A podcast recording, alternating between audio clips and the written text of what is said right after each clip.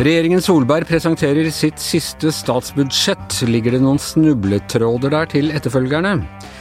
Marit Bjørgen tar eh, oppgjør med kroppshysteri i ny bok, og et rekordstort antall folkevalgte stilte i bunad under Stortingets åpning i går. Hva skyldes denne nasjonalromantiske bølgen? Det skal vi finne ut i denne utgaven av Gjevrøy-gjengen tirsdag den 12. oktober. Ja, uh, Hanne Skartvedt, det er uh, alltid en uh, viktig og rørende dag i kongeriket når vi kan sitte her i Akersgata 55 og se ned på vår gode nabo finansministeren går de 300 meterne ned til Stortinget med et haleheng av presse og det nye statsbudsjettet i mappa. Ja, dette er en dag som er fylt av seremonier. Fra man, mange pressfolk møter han jo med kameraer utenfor døra hjemme klokka halv sju, og så går det slag i slag. Og det er eh, et ritual rundt det. Og jeg syns det er en ganske fin dag, egentlig. Og nå har han hatt sin eh, pressekonferanse, hans siste pressekonferanse som finansminister, nå nettopp. Jeg må bare si at det første jeg forbinder med deg og statsbudsjett, det var, tror jeg må ha vært høsten 1991 eller 90? Høsten 1990, ja. Høsten 1990 hvor du hadde sommerjobb i Arbeiderbladet og kom rett fra AUF, hadde klart å få tak i hele jævla statsbudsjettet før det, før det forla. Det er enda lurt på til dags dato hvordan du fikk det, kan du røpe det nå? Det får du aldri vite, Anders, men det ble igangsatt etterforskning og det var voldsomme greier. Det var eneste gang i historien det hadde skjedd. Ja. Og jeg husker den følelsen jeg kom inn i lokalet og sa til gamle kollega Per Ellingsen at For vi jobba jo med å få ut lekkasje, så jeg har statsbudsjettet. Ja, så er det så mye styrtlekkasjer og sånne ting. Ja, ja, nei, og ikke Men jeg har hele, jeg har hele her. Og han ble sånn what? Ja, det husker jeg selv vår redaktør Per Brunvann, som ikke så lett lot seg imponere, var, var i godt humør den dagen. Uh, men i år har du ikke fått tak i statsbudsjettet på forhånd? Nei. Nei. Så, men hva har du funnet ut om det så langt? Det er uh, selvfølgelig strammere enn koronaåret. Mindre oljepengebruk, men fortsatt mer enn det var i 2019. Det bekymrer jo oss som er opptatt av perspektivmeldinga, Anders. Ja, jeg er livredd. Ja, og de har lagt inn noen snubletråder, selvfølgelig. De har økt kommuneøkonomien ganske mye. Eh, de har redusert elavgiften, som jo er ikke sant, Strømprisene nå er folk veldig opprørt over. Og når da regjeringa legger inn redusert elavgift, så, så, tar de et poeng fra de som skal ta over. Dette er jo ikke et budsjett som blir stående. Ikke sant? Det, er, det aller meste har blitt stående, men det er Ja, for det danner grunnlaget. Det ikke, de kan ikke lage et helt nytt statsbudsjett? Nei, det er jo tross alt 13,5 eh, eller 15 kilo statsbudsjett som VG målte det til. Finansministeren sa det var 13,5, men VG målte det så han hadde ikke mappa, altså? Han hadde trillebår med med eh, Nei, men det er, veldig mye av det er lagt. De sier 98% i hvert fall er jo faste utgifter, så det er ikke mye de kan gjøre. Og den nye regjeringen, Støre-regjeringen som tar over, de har jo veldig liten tid på seg. Men noen endringer vil det selvfølgelig bli. Men eh, så var det skattelette. Til de rike, ja. eller til eh, vanlige folk som det er Nei, Nå er det vanlige folk sin tur, selv for denne regjeringa. Så det er eh, blant annet øker de barnefradraget. Du skal få barnefradrag for, for hvert barn du har, ikke bare ett. Som vil da ifølge Sanner gi inntil hva var det så, 2100 skattelette for vanlige barnefamilier. Så det er, eh, det er vel både vanlige folk sin tur og skattelette på formuesskatten på arbeidende kapital, som man vil si er mer de rikes. Er det, kan man si at det er et vennligsinnet budsjett i forhold til at man kommer til etterfølgere. Ja, noen snubletråder og litt erting, men er det liksom sånn Eh, det overleveres i eh, en forståelse om at her, eh, her, kommer noen nye og overtar som vil sette sitt preg, og, og gir gode muligheter for det? Ja, denne gangen er det litt vanskelig å svare på, for samtidig så er dette første budsjettet hvor denne regjeringen ikke er avhengig av Frp.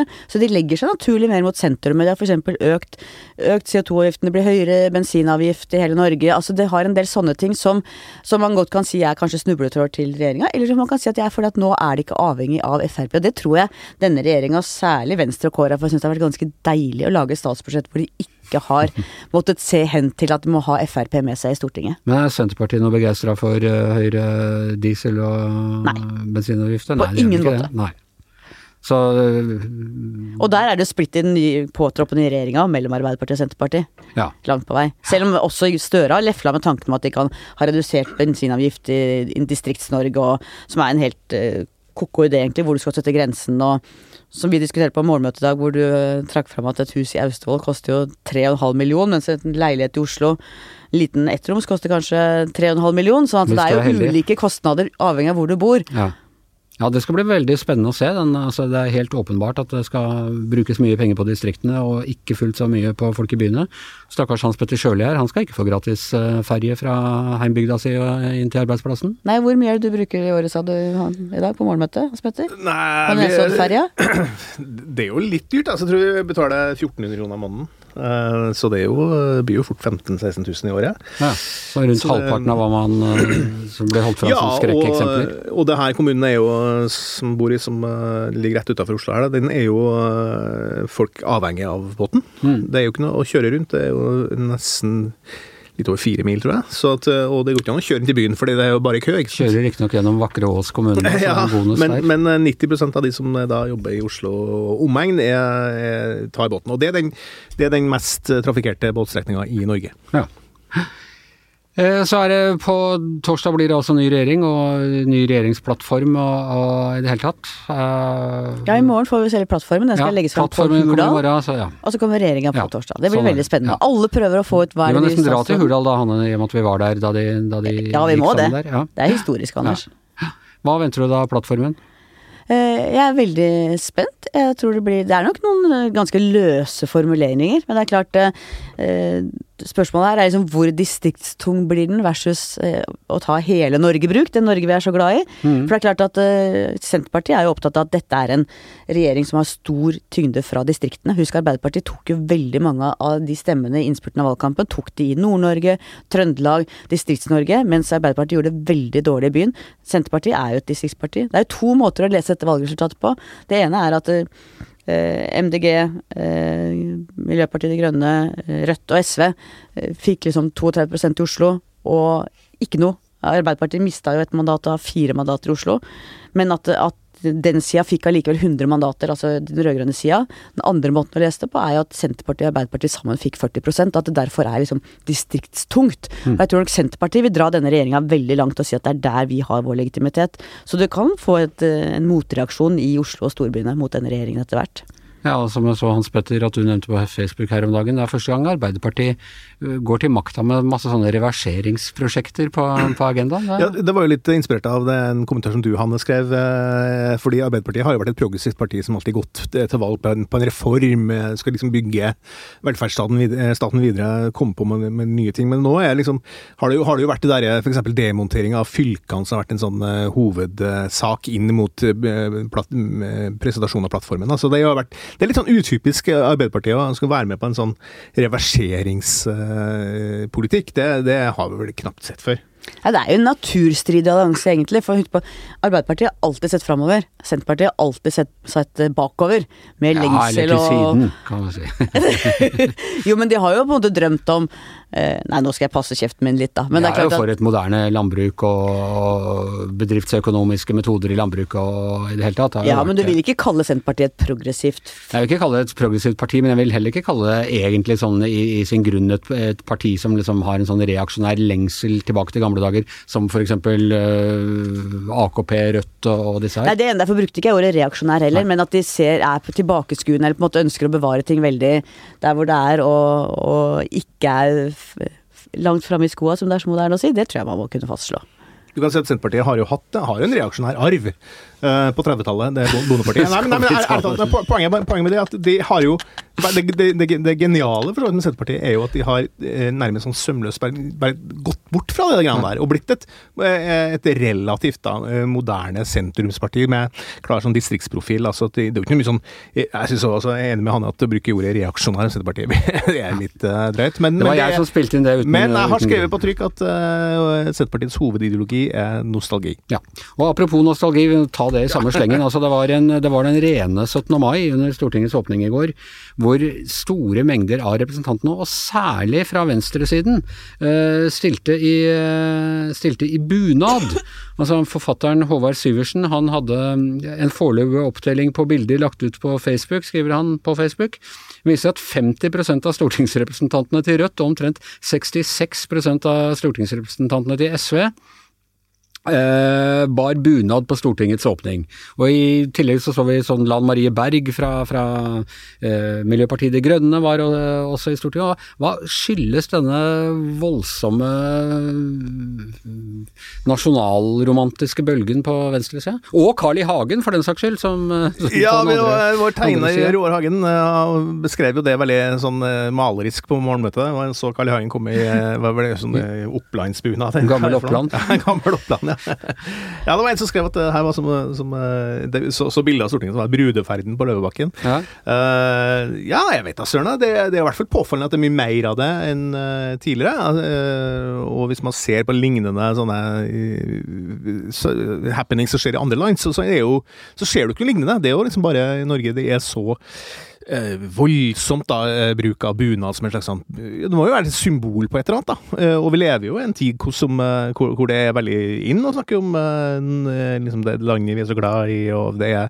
TV-programmer som, som er fra kysten og togruter og togstrekninger i Norge. Vi- er utrolig glad i å snakke med landet, landet vårt da, i det landet her, og det ble blitt mer og mer, syns jeg. Med Kristiansson i verdens merkeligste sånn nisselue som han Ja, han så ut som en sånn rød sånn, Han så litt ut som dvergen i det Snehvit og de syv dverger også, med en sånn hatt, sånn lue bak. Men han var jo ganske fin, det der med ja, ja, også- ja, ja, bunaden altså, det er jo, det er jo er ganske, ganske flott. fine, men- det er jo det rett er- ut av sånn Tidemann og Gude-bilder. Det er det, men det her er, bunader er jo bare kitsch. Det er jo en, eh, det er jo en oppkonstruert Ja, ja, noe de eh, fant på på 1800-tallet. Ja, det stammer jo fra Hulda Garborg.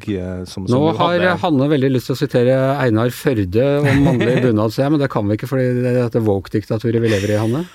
Jeg skulle egentlig ikke det, bare. Hva svar har Einar Førde sagt om alle. Det bunad? Jeg tør jeg ikke kan si. det, jeg kan si det Anders. Det, han sa det at eh, herrebunad var bare for homser og nynazister. Og det var jo typisk Einar Førde-spissformulering. Jeg savner vestlendinger som Einar Førde, det må jeg si. Um... Nei, jeg bare tenker at det er, På en måte er det naturlig at i så urolig verden som det er nå, så urolige tider som det er nå, så søker man mot det trygge. Uh, og det som er veldig farlig, er hvis man gjør bunaden til noe sånn eh, litt farlig nasjonalistisk. Altså det er, jeg syns det er en litt fin ting at folk uh, søker til uh, bunader litt, litt og fin og litt dust. Nei, det er jo ikke dust, Anders. Jo, Det ser jo veldig rart ut. Jeg syns det er noe sånn litt sånn fint over, litt sånn høytidsstemt noe hele. Jeg syns det var fint på Stortinget i går, altså. Og det er noe med den tryggheten som ligger i ja, ja. Og og dessuten, vi må ha eh, sterke nasjonalstater for å kunne ha et sterkt internasjonalt samarbeid. Jeg tenker på Epcot og Disney, ja, sånn jeg ser eh, så mange folk i At det er en sånn uh, faka form for uh, Altså, nasjonal, plakatnasjonalisme, eller sånn. Men Hans Petter, for å kunne bli med i EU, så må vi ha stor trygghet på oss sjøl innenfor nasjonalstaten. Og det er slik EU og andre internasjonale organisasjoner kan eh, klare seg å jobbe videre, er nettopp at det er Ja, men, men vi Det ene utelukker ikke det andre, er mitt Nei, poeng. vi er jo ikke med i EU, og, og Nei, hvis du ser med alle andre land i Europa, så er det ingen som holder på på den måten her. Altså, vi er helt besatt av å vise fram vår eh, såkalte nasjonale arv i Norge. For det her er kitsch. Det her ble oppfunnet på 1890-tallet, eh, basert på gamle folkedrakter som de har laga nye greier, og importert masse ting fra Tyskland og fra ja, andre steder av verden også. Men gjør Så det noe? Nei, nei, nei. Altså, det er poenget er, det gjør ingenting. Altså, det er bare eh, Å bruke bunad er fantastisk, men, men vi må jo være, være liksom klar over hva det er for noe, så at vi ikke liksom tror at det er noe annet enn det egentlig er, da. Det er dyrt, tungvint og ubehagelig å ha på seg, da. Det er. Jeg har aldri hatt det på, så jeg vet ikke. Jeg har aldri hatt det på meg, selvfølgelig. Har du bunad, Leif? Jeg har ikke bunad. Jeg har faktisk hatt på meg bunad én gang i hele mitt liv, og det var da jeg var ung i Asker og Bærum Budstikke. Jeg faktisk var bunadsmodell og måtte ha på meg både Asker og Bærumsbunaden eh, i løpet av en dag og ble avbildet i avisen. Jeg er avbildet med avisen med det, men det er faktisk den eneste gangen i hele mitt liv jeg har hatt på bunad. Jeg har faktisk ikke savnet det, men jeg har sett veldig mange andre som har bunader som ser fine ut, da. Men jeg har liksom aldri Er hatt det meg to forskjellige bunader i Asker og Bærum? Det var det, ja. Ja, okay, En hadde, en hadde noe gult på seg, hvis ikke jeg husker feil. I Follo-regionen har vi bare én. Det er sikkert eh, farger som er importert, importert fra India. eller noe sånt. Så det er jo, egentlig så er jo bunaden Postmodernistisk måte Nei, å svare på. Ingenting er er egentlig norsk. eh, Fordi, fordi det viser bare at uh, også bunaden er et produkt av globalismen, som jo uh, får så mye kjeft for tida. Så vi, uh, alt det vi omgir oss med sånn, i, i sånne symbolske sammenhenger, er jo et produkt av at verden er bind, sammen. Da. Ok, har du bunad, Hanne? Ja, jeg har faktisk Du har vestlandsbunad, du med vestlandske aner og det hele tatt? jeg fikk faktisk min farmors bunad som hun hadde sydd til seg selv da hun var 15 år og skulle Ja. konfirmeres, som jeg fikk til min konfirmasjon. Um, så jeg konfirmerte meg i bunad, men jeg må innrømme at jeg bruker den veldig sjelden. Nei, fint på 17. mai og julaften, spør du meg. Men, uh, men Jeg, jeg, si, kort, det er visst veldig kontroversielt å bruke bunad på julaften, for det er ikke helt riktig. Det vår bunadshistoriker i- Unni Rimlen Kvam hun har skrevet en kronikk i VG om det her, for at de oppfordrer folk til å begynne å bruke bunad på julaften, for det er visst ganske sjelden. ok. Og så har jeg hørt et likestillingsargument mot bunad, som Ja. jeg ikke vet om jeg er enig i, men som går på at uh, allerede på, i konfirmasjonen så blir kjønnsskillet i økonomien lagt mellom gutter og jenter, for jenter ønsker seg bunad til konfirmasjon som koster en formue, mens gutta får cash. Ja. Ja. Det er så, så er det dumt av jentene å ønske seg den bunaden, og bare ønske seg cash isteden. Men um, Jeg skal kjøpe steiranlegget vi kjøpte for konfirmasjonspenger. Det er dødt for lenge siden. Ikke sant, ikke sant, mens bunaden har de ennå. Og i går hadde de den altså på seg i, i åpningen av Stortinget. Nå syns jeg vi har snakket nok om den saken. Ja, uh, Leif. Uh, I går kveld, meget timet til klokken sju om eh, kvelden, så ble Marit Bjørgens nye Da ble sperrefristen for Marit Bjørgens nye bok, som da svært mange allerede hadde lest, eh, opphevet. Jeg hadde vel med Dagsrevyen og litt sånne ting å gjøre, går jeg ut fra. Og eh, der tar hun et oppgjør med eh, kroppsfokuset, med Snakker om spiseforstyrrelser helt opp i eh, eliten av, av norsk eh, idrett. Og det jeg egentlig lurer på, bare etter sånn overfladisk eh, inntak av disse nyhetene, er ikke dette noe Marit Bjørgen har snakket om i årevis? Altså, hun har jo vært uh, tydelig på, uh, altså, på en måte som gjør at man øh, relaterer dette til et elitemiljø. Som i hvert fall skiller seg fra hvordan jeg har opplevd henne tidligere. Hun har nok vært, altså, vært opptatt av problemet, men altså, hun, går, hun, går, hun går sånn sånn. relativt langt når hun altså, er åpen på at hun har sett lagvenninner sitte og pirke i maten. At det kom et generasjonsskifte hvor plutselig altså, landslagsutøvere sluttet å spise dessert. Altså, det er en konkretisert eh, informasjon. Og altså, temaet rundt spisefor, altså, spiseproblemer eller spiseforstyrrelse og idrett er i og for seg ikke nytt. Det har dukket opp i offentligheten ved ujevne mellomrom, men klart det er en interessant omdreining når Marit Bjørgen, folkekjære, lojale Marit Bjørgen, som alltid snakker med innestemme, altså velger å være så tydelig for å altså, adressere et, eh, et, et problem. Eh, Det, det gjør at eh, jeg tror, jeg, tror, jeg tror det er nyttig for, for diskusjonen, og det setter det setter altså fokus på et, et problem som er kjempestort og, og faktisk underkommunisert i norsk idrett. Hvis jeg hadde visst og tenkt over som forelder at rundt 30 i, altså nesten én av tre jenter i altså tilknyttet toppidrett altså utvikler en eller annen form for spiseforstyrrelse, så er altså det et helseproblem av et, altså av et omfang. Og da, det sier litt om dybden i denne debatten som jo har pågått før Marit Bjørgen. VG har jo skrevet om dette nå gjennom, gjennom en viss tid. Men det er klart altså dette gir jo, dette, gir jo temaet altså, absolutt en ytterligere dimensjon. Jeg er enig i at det er veldig alvorlig, men er det sjokkerende? Altså, i, altså når eliteidretten med de kravene til prestasjon og alle de eh, måtene man liksom omgås regler for hva du kan innta og, og medisiner og, og i det hele tatt, at, denne, at kroppen presses til det aller ytterste, er det ikke det man ber om med den typen eliteidrett man har? Jo, toppidretten er per definisjon ikke sunn, og det er en kjensgjerning at i noen av idrettsgrenene spesielt, så er det et konkurransefortrinn å veie noen kilo, kilo mindre. Opp til en viss grense, så kan det bli helsefarlig. Men det som eksempel er skummelt, er ikke nødvendigvis den ypperste eliten som har et stort apparat rundt seg med, altså med støttepersonale, med leger osv. Altså, noe av det skumlere er eksempel kanskje de som er, rett bak, som er unge, sårbare, strekker seg etter forbilder som er, eh, som er undervektige, og kanskje begynner å, altså, å kutte hjørner og ty til altså, metoder for å prøve å, å bli best, uten å ha dette apparatet og sikkerhetsnettet rundt seg. Og mye av problemet er at vi har veldig lite forskning på det, vi har lite som er målt, lite dokumentasjon, men det er som at jo, jo, jo, jo, dypere vi dykker ned i problemstillingen, altså jo flere historier kommer det altså om unge, særlig jenter, også gutter, men uh, først og fremst uh, altså jenter, som har blitt alvorlig syke, på, altså, altså som en konsekvens av et jag etter å bli best uh, i, i, idretten. Og da er spørsmålet har man vært absolutt flinke nok til å være, til å ha nok kompetanse om det, til å, altså, til, til å snakke om dette, til å se, til å se faremomentene. Altså når det utvikler seg til en spiseforstyrrelse, så snakker vi altså om psykiatriens dødeligste lidelse. Hva, hva kan man gjøre? Altså, Vi kommer aldri til å bli kvitt det. Eh, fullt og helt. Men jeg tror det er en del ting vi kan gjøre, altså eksempel altså på skigymnaser, andre typer toppidrettsgymnaser, altså når de, man kommer inn i en viss sårbar alder, at man jobber mer systematisk med, altså med, med å sette kompetanse i system. Eh, Jeg tror også det er ganske mye å gjøre på forskningssiden. Altså Vi har et sånt prosjekt som heter Sunn idrett, som gjør en veldig god, god, altså god innsats for å prøve å jobbe preventivt, men det er veldig lite som blir målt. Så, vi, så, så det på kunnskapsinnhenting og systematisering tror jeg vi har, eh, vi har veldig mye å hente på. Jeg tror det Marit Bjørgen bidrar til, og som andre som også VG har intervjuet, bidrar til at vi får en kultur hvor det blir mindre stigmatisert og mer åpent å kunne snakke om at dette er vanskelig og alltid vil være vanskelig, kan forhåpentligvis eh, kanskje gjør det lettere for de som kommer etter. Hva tror du, Anne? Jeg tror som Leif sier at dette er et uh, problem, at toppidrett er i seg selv uh, usunt. Hvor man Ja. presser unge mennesker uh, veldig, veldig hardt på både mentalt og fysisk. Eh, og jeg tror ikke det er lett å bli kvitt de spiseproblemene som er innenfor ulike idrettsgrener. Kan vi Men- forby toppidrett? Jeg mener, vi etter hvert så forbyr vi jo alt annet som er skadelig her i samfunnet. Røyking, alkohol.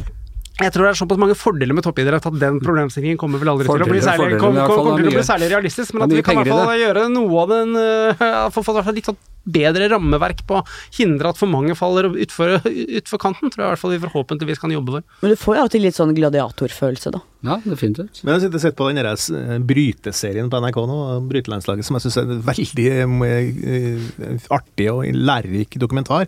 Og det er jo, altså det er Toppidrett er helt crazy, altså hvordan de, hvordan de holder på, hvordan de presser seg sjøl og, og sånn. Jeg husker da, da jeg vokste opp, så, jeg vokste opp i, Steinkjer, det var, jo sånn, eh, det var jo en sånn land, langgrensbygd, sant.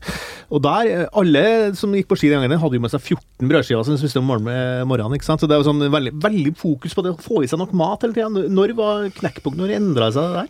Altså Marit Bjørgen, det har jo pågått, Vi har historier tilbake til 80-tallet. altså Det har pågått i tiår altså ti etter i tiår og tiår, sikkert gått litt i bølger. Mar Marit Bjørgen snakker om en sånn periode vel på altså da, hun, da hun kom inn som ung, da den der Bente Skare-generasjonen ga seg, at det skjedde, altså det skjedde noe. Det var da disse desserthistoriene for, eksempel eh, dukket opp. Men det er noe som også Bjørgen er opptatt av. At det er noen myter som blir spredd der. F.eks. dette at det er så vanskelig å få i seg nok mat fordi du trener så mye. Det er jo en av de sånn, vedtatte sannhetene som Bjørgen eh, tar et, altså, tar, tar et oppgjør med. Hun selv har jo altså, vært- altså, vært, altså, eksempel som faktisk har vært best i eh, langrenn, og alltid vært opptatt av å få i seg nok mat fordi det er kroppens bensin. Og hun un- undres også hvorfor folk ikke har vært mer opptatt av å se til henne. Da. At hun som faktisk har vært best i skisporet, faktisk, faktisk altså alltid, altså, alltid var bevisst på sammenhengen mellom inntak og uttak og ernæring. At det ikke nytter å kutte i hjørner. At du må ha, at du, så, så det er også en inter, interessant dimensjon. Man sier at hun tar opp mange ting ved, ved kroppspress, og også en del med, med motejournalistikk, og noen slenger det til verdens gang og i det hele tatt. og at Ja, det er- tror jeg var fortjent. Ja, det får du si som redaktør. Uh, det er i, i det hele tatt mange eh, ting å kunne snakke om, og en interessant bidrag til, til eh, det offentlige ordskiftet den boka hun har levert, er det ikke det, Leif? Absolutt. Den bør alle som har interesse av både av idrett eh, og ulike sider ved den, absolutt lese. Og den er altså ført i pennen av Ingrid Stenvold, som er en glimrende både journalist og forfatter. Ja, kollega av oss i NRK. Ok, eh, det tror jeg alt vi rakk for Gjever i dag. Jeg tror vi har gått eh, langt over tiden. Her i studio Leif Welhaven, Hans Petter Sjøli, Hanne Skartveit. Jeg heter Anders Giæver, og vår produsent i dag i nydelig eh, bunad fra Rælingen, Magne Antonsen.